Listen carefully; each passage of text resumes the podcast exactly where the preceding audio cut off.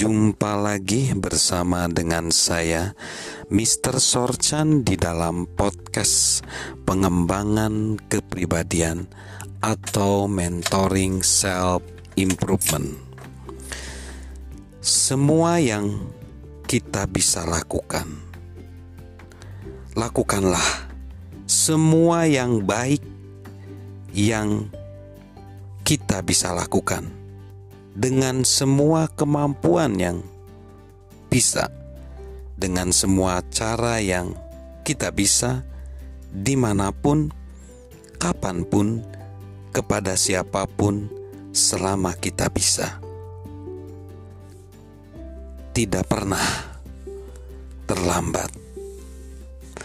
Robert Lopatin mengira segalanya sudah terlambat ketika masih kanak-kanak, ia bercita-cita menjadi seorang dokter. Tetapi ketika ia memasuki perguruan tinggi, ia meninggalkan cita-cita itu. Sebaliknya, ia bergabung dengan bisnis keluarga dalam bidang busana wanita. Ia menekuni bisnis itu selama 27 tahun Kemudian ia dan ayahnya menjual bisnis itu. Jika ia mau, ia dapat pensiun pada saat itu.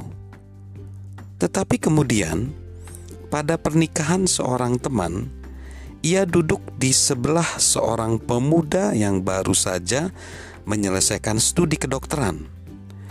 Berbicara dengan dokter baru itu membuatnya memikirkan kembali akan impian semasa kecilnya.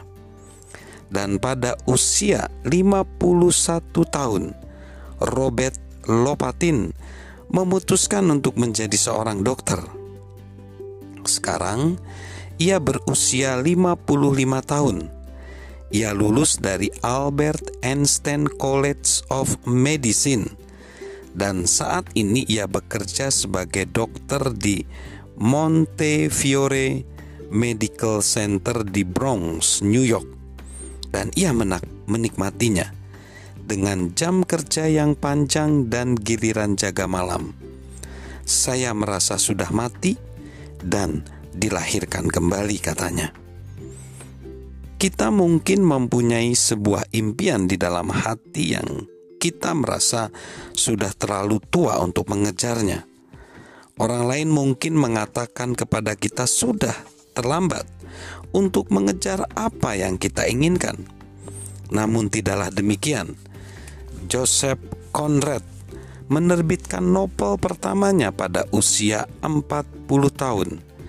Robert Lopatin memulai praktek dokternya di akhir usia 50-an. Grandma Moses seorang artis mulai melukis saat ia berusia 75 tahun dan ia masih mempunyai karir selama 26 tahun kemudian. Kejarlah impian kita, tak peduli betapa mustahil nampaknya. Salam sukses luar biasa dari saya, Mr. Sorjan.